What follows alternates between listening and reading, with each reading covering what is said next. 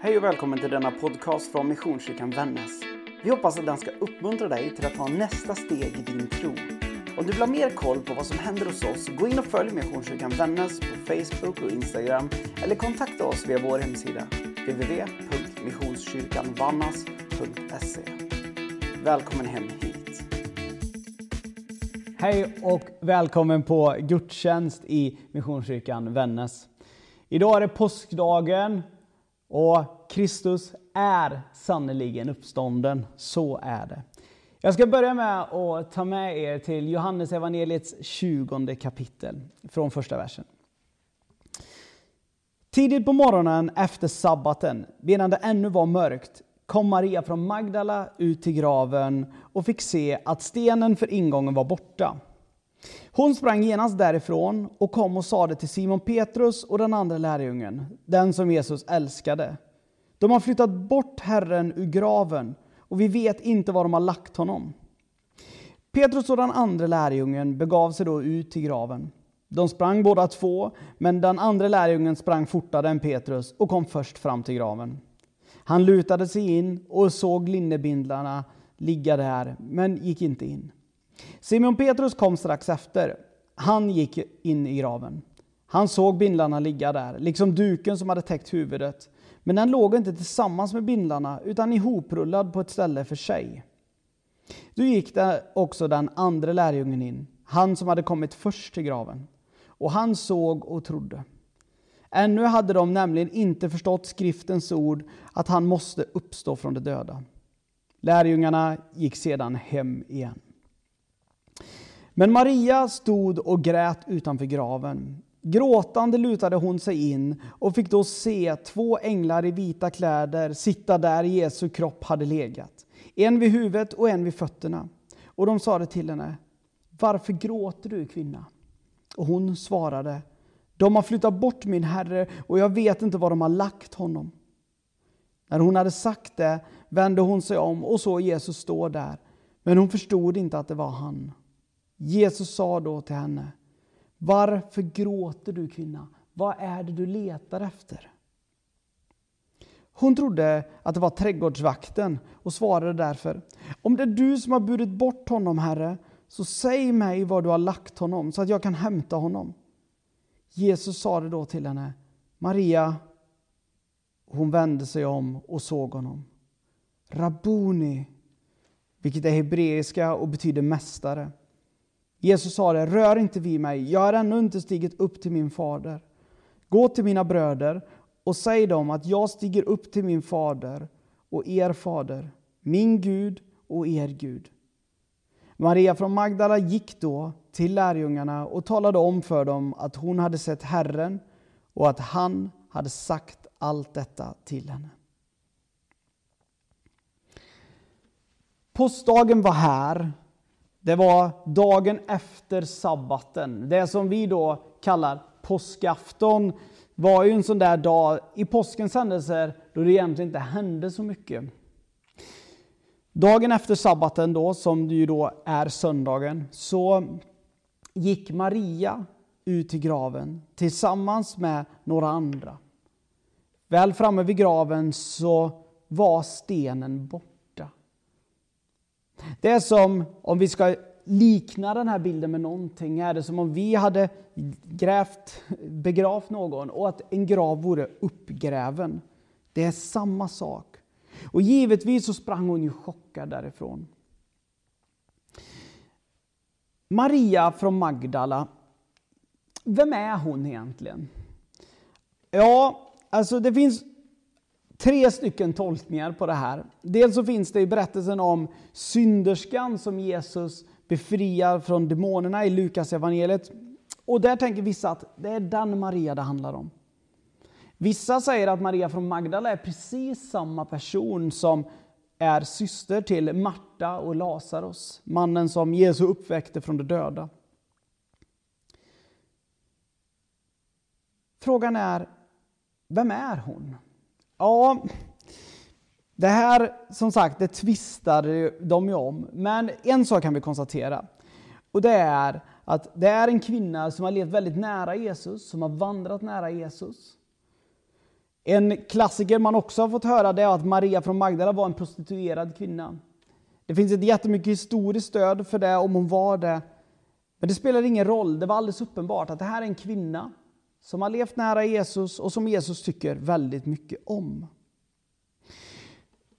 Det är inte alls konstigt att hon var den som egentligen var först ut, för det var kutym inom judisk tradition att det var dels kvinnorna som tog hand om de döda. Och de skulle gå ut för att smörja kroppen eller balsamera kroppen. Och hon var en av de kvinnorna som stod Jesus närmast, vilket det var fullt naturligt.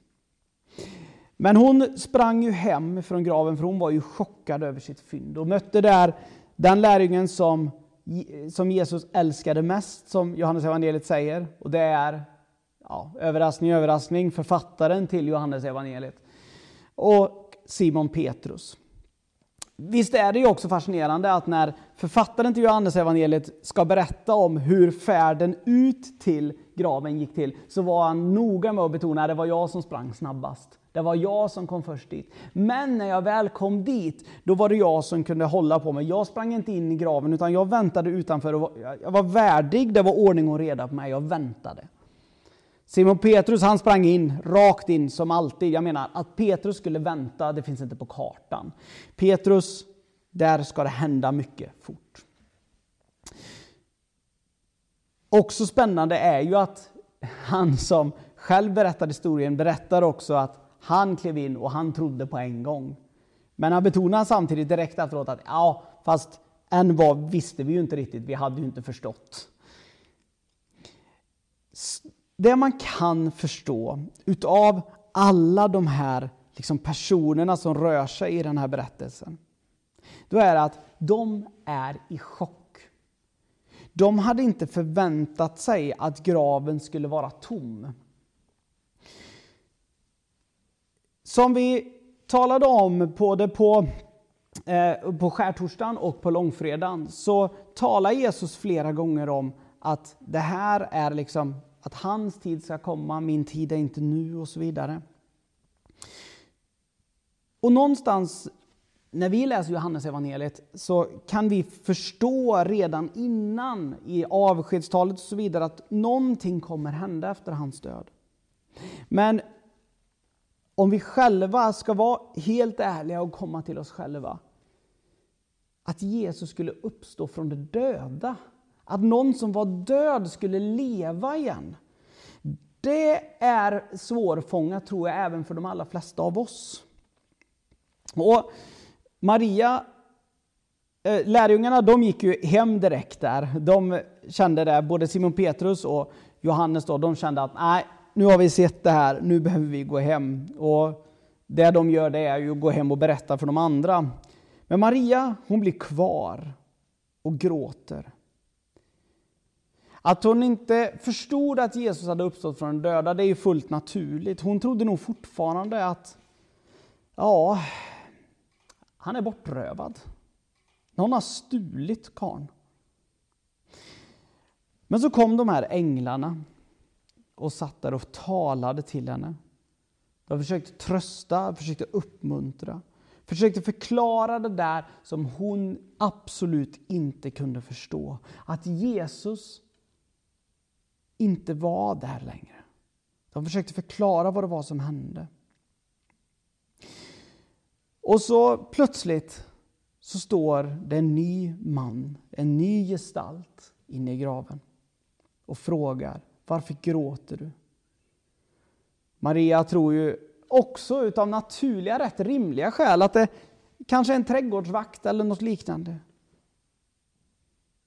Men direkt när han säger hennes namn, Maria, så vänder hon sig om och känner igen honom. Kallar honom mästare. Ni vet, jag vet inte hur det är med er, men för mig är det så i alla fall att Människor som jag känner väldigt väl, de där som jag har väldigt nära relationer till. Det räcker med att de säger mitt namn, så hör jag ju direkt vem de är. Då vet jag vem det är som säger det. Speciellt de där som man har en otroligt tajt relation till. Jag skulle kunna väckas i sömnen och direkt känna igen givetvis mina föräldrars röster, eller min frus röst, när de säger mitt namn. Men jag tror faktiskt att jag skulle faktiskt kunna om min pappa stod och pratade någonstans. Det är inte så att jag känner igen hans röst sådär superenkelt på en gång. Men när han säger mitt namn, då känner jag igen det. Så är det. Och här så får vi ytterligare igen ett tecken på Jesus var verkligen uppstånden. Det var det ena tecknet. Och det andra, det här att han och Maria hade en nära och fin relation. De kände varandra väl.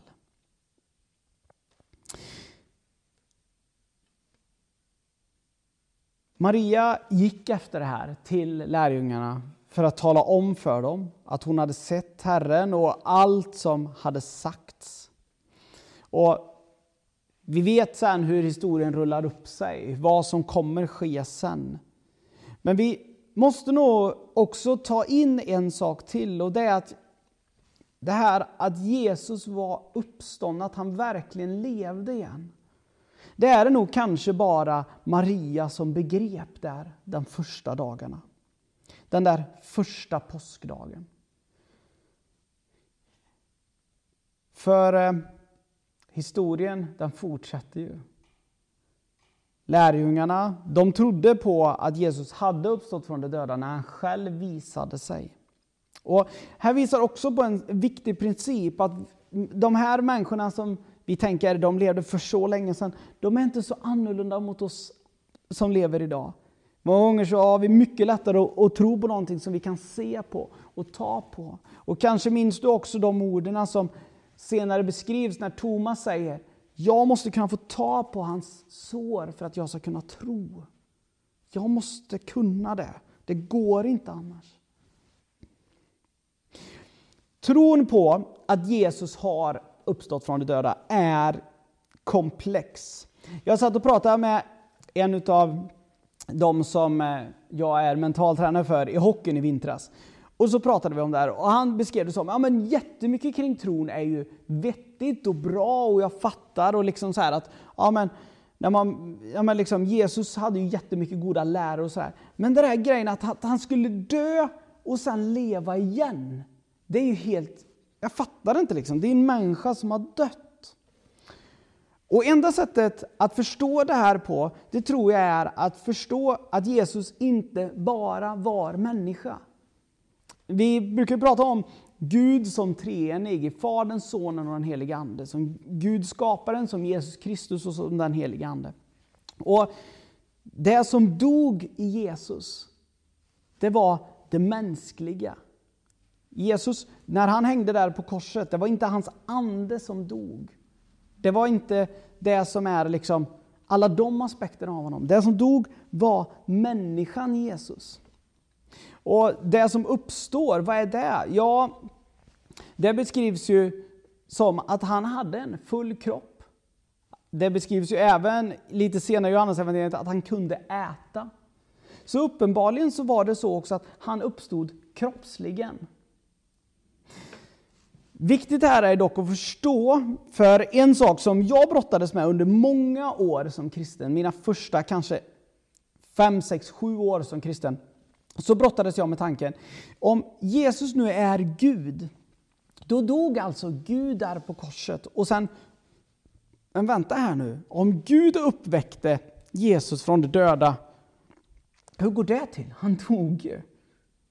Ja, alltså, jag tror, och det som liksom är klassisk liksom, kristen teologi, då säger man att det som verkligen skedde på korset, det var att människan Jesus dog.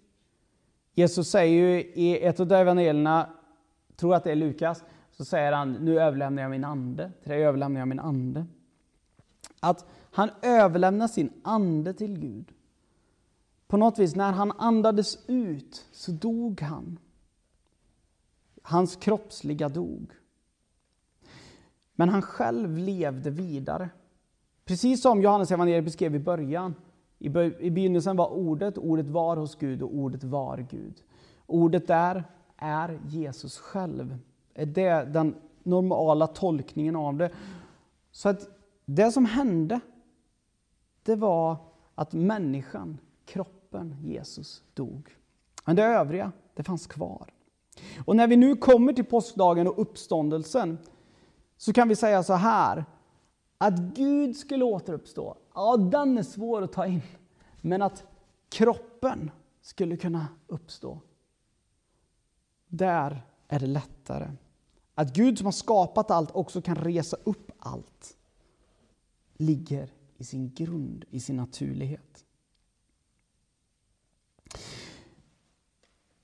Vad blir då konsekvensen för dig och mig av vad Maria och de upptäckte, vad Simon Petrus och Johannes upptäckte?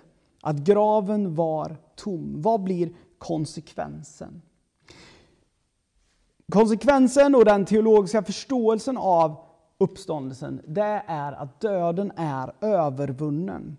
Och när Bibeln talar om döden så talar det, och i det här fallet så är det det det åsyftar är en andlig död, inte en kroppslig död. Med andra ord, du och jag kommer med allra, allra största sannolikhet behöva uppleva en kroppslig död. Våra kroppar, de kommer dö. Men det Jesus har lovat, det är, och genom det han gjorde på korset, så behöver inte vi andligen dö. Vi får leva vidare någon annanstans.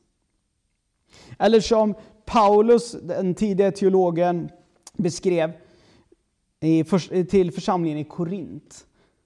Död, var är din seger? Död, var är din udd? För dödens udd är synden och synden har sin kraft i lagen. Gud var ett tack som ger oss segern genom vår Herre Jesus Kristus. Genom att det Jesus har gjort så är dödens udd bruten. Genom det har inte döden någon seger. Och i tider där vi brottas som vi gör nu, med isolering, med ensamhet, med människor som blir sjuka. Påminnelsen om påskdagen är så viktig. Om att mörkret inte har övervunnit ljuset. Att döden inte har övervunnit livet. För sanning att säga, Jesus dog, men han uppstod också. Eller för att citera en gammal sång. Jesus dog och livet vann. Låt oss be. Jesus Kristus, tack för det stora du gjorde på korset. Herre, tack för att du också uppstod igen. Herre, tack för det fyndet som Maria gjorde. Herre, tack också för hennes tårar och den trösten som finns i hennes tårar. Herre, du ser vad vi alla brottas med, vad vi längtar efter och vad vi vill se. Herre, du ser att vi kan plågas över dödens ständiga närvaro i, i våran värld. Men Herre, tack för att vi också får påminnas om att det är en kroppslig död. Du har lovat att vi aldrig ska utslockna. Våra liv ska fortsätta. Herre, jag vill också tacka dig för påskens påminnelse om att livet vinner. Att ingenting är förgängligt, utan att eh, det är oförgängligt. Det kan inte försvinna. Och Herre, så vill jag be för alla som just nu plågas under vad det nu är som plågar en. Att man känner sig ensam kanske, att man mår dåligt, vacklande hälsa. Herre, jag ber, kom in i människors liv denna påsken. Låt människor få uppleva en uppståndelse i sitt eget liv. Att det som de upplever som sargat och trasigt och mörkt, att det får återuppstå till nytt liv. Jag ber om det i ditt heliga namn.